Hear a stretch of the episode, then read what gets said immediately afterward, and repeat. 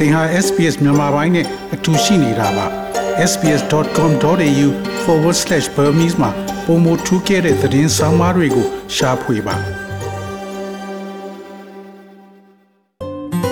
SBS မြန်မာပိုင်းကို အင်ကာနဲ့စနေနေ့ည10:00နာရီမှနားဆင်နိုင်တယ်လို့အွန်လိုင်းကနေလည်းအချိန်မီနားဆင်နိုင်ပါပြီ။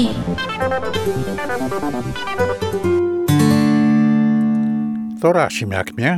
မြန်မာနိုင်ငံမှာရှိတဲ့ ရိုဟင်ဂျာလူနည်းစုများအပေါ်ကျူးလွန်တဲ့အကြမ်းဖက်မှုများဟာလူမျိုးတုံးသတ်ဖြတ်မှုနဲ့လူသားမျိုးနွယ်ပေါ်ကျူးလွန်တဲ့ရာဇဝတ်မှုများဖြစ်ကြောင်း American ပြည်ထောင်စုကကြေညာလိုက်ပါတယ်။2019ခုနှစ်တွင်စစ်တပ်ကရက်ဆက်စွာဖြိုခွင်းပြီးတဲ့နောက်ရခိုင်ပြည်နယ်အနောက်ဘက်ခြမ်းမှလူပေါင်း9,300ကျော်ထွက်ပြေးခဲ့ရပါတယ်။အဆိုပါလောက်ရသည်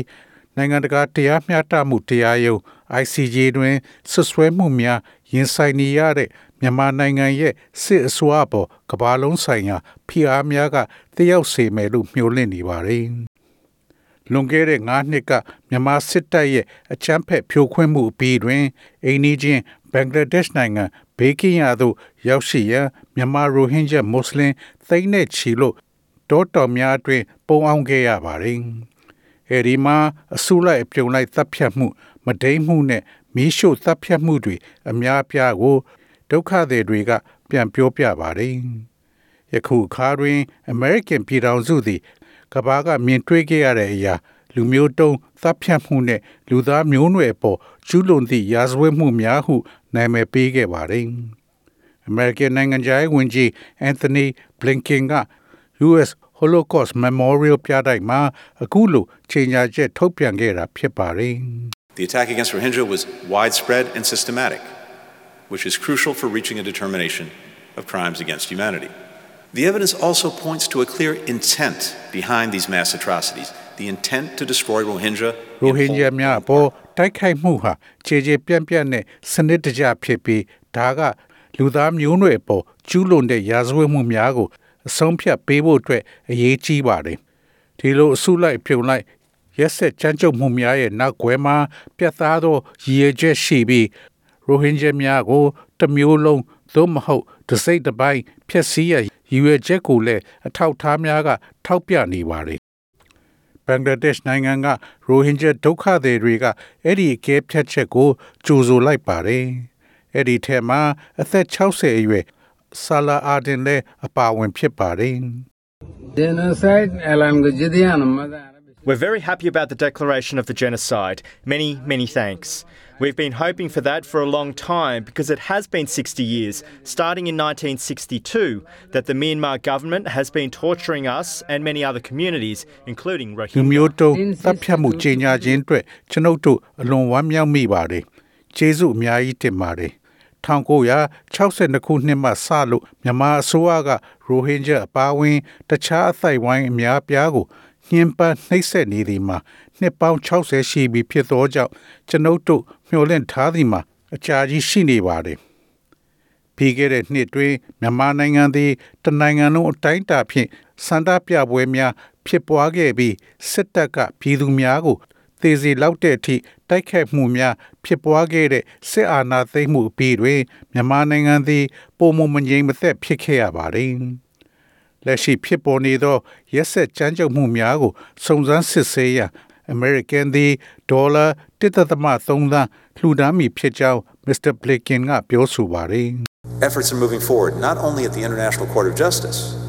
but also through the International Criminal Court and through the domestic courts of Argentina in a case brought under နိုင်ငံတကာ universal တ jurisdiction. ရားမျှတမှုတရားရုံးတွင်သာမကနိုင်ငံတကာရာဇဝတ်ခုံရုံးနဲ့အာဂျင်တီးနားပြည်တွင်တရားရုံးများမှတဆင့်အပြည်ပြည်ဆိုင်ရာတရားစီရင်ရေးဆိုင်ရာတရားရုံးများမှတဆင့်လဲရှေ့သို့တိုးလာမှာဖြစ်ပါတယ်မြန်မာစစ်တပ်ကအကြိမ်ကြိမ်လူအခွင့်အရေးချိုးဖောက်မှုတွေကို ကုလသမဂ္ဂကရှုတ်ချပေးမဲ့အမေရိကန်ရဲ့လူမျိုးတုံးသတ်ဖြတ်မှုကြေညာချက်ကို ထောက်ခံဖို့ညှင်းဆိုထားပါတယ်။ကုလသမဂ္ဂအထွေထွေအတွင်းရေးမှူးချုပ်အန်တိုနီယိုဂူတာရက်စ်ရဲ့ပြောရေးဆိုခွင့်ရှိသူစတီဖန်ဒူဂျာရစ်ကလူမျိုးတုံးသတ်ဖြတ်မှုဆိုင်ရာစီရင်ချက်ကိုတရားစီရင်ရေးအဖွဲ့အစည်းတစ်ခုကလှုပ်ဆောင်ရမှာဖြစ်တယ်လို့ပြောကြားပါတယ်။ It's not for the Secretary General to prejudge it. However, I would underscore that he needs uh, that he is always called for accountability uh, for the suffering of the people of Myanmar at the hands of the ဒါ security ဟာ forces. အတွင်းမှုချုပ်အတွက်မဟုတ်ဘူးလို့ကျွန်တော်တို့ရှုမြင်ပါတယ်။ဒါပေမဲ့လည်းလုံခြုံရေးတပ်ဖွဲ့များလက်တွင်မြန်မာပြည်သူများရဲ့ဆင်းရဲဒုက္ခများအတွက်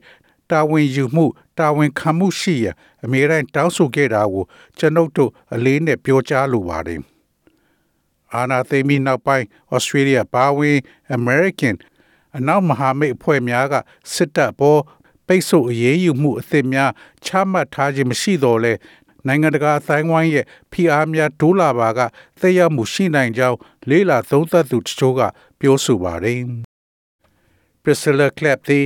United States Institute of Peace မှဖြစ်ပါတယ်။သူမက It means that there's going to be accountability for what they're doing now. Now, this may matter to some of the generals. It may not matter to Min Aung Hlaing because I think his days are numbered. But um, it may matter to plenty of the others, and, and it may encourage more အဲ့ defections. ဒါကအခုသူတို့လုံနေတာတွေအတွက်တာဝန်ရှိလာမယ်လို့ဆိုလိုတာပါအခုဒီကိစ္စကဗိုလ်ချုပ်တချို့အတွက်အရေးကြီးပေမဲ့ဗိုလ်ချုပ်မူကြီးမင်းအောင်လှိုင်အတွက်အရေးမကြီးဘူးလို့ကျွန်မထင်ပါတယ်ဒါပေမဲ့တခြားဗိုလ်ချုပ်တွေအများကြီးအတွက်အရေးပါတဲ့အတွက် ဗက်ပြောင်းမှုတွေပိုရှိလာနိုင်ပါတယ်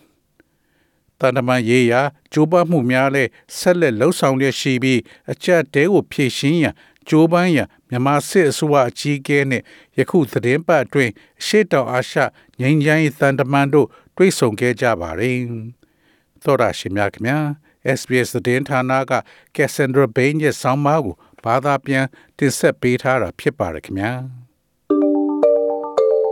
sbs.com.au/bemis ကို home နေရာမှာထားပြီးတော့အမြဲတမ်းနှာစင်နိုင်ပါတယ်။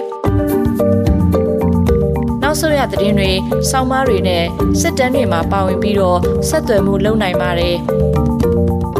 sbs.com.au/bemis ဖြစ်ပါတယ်ရှင်။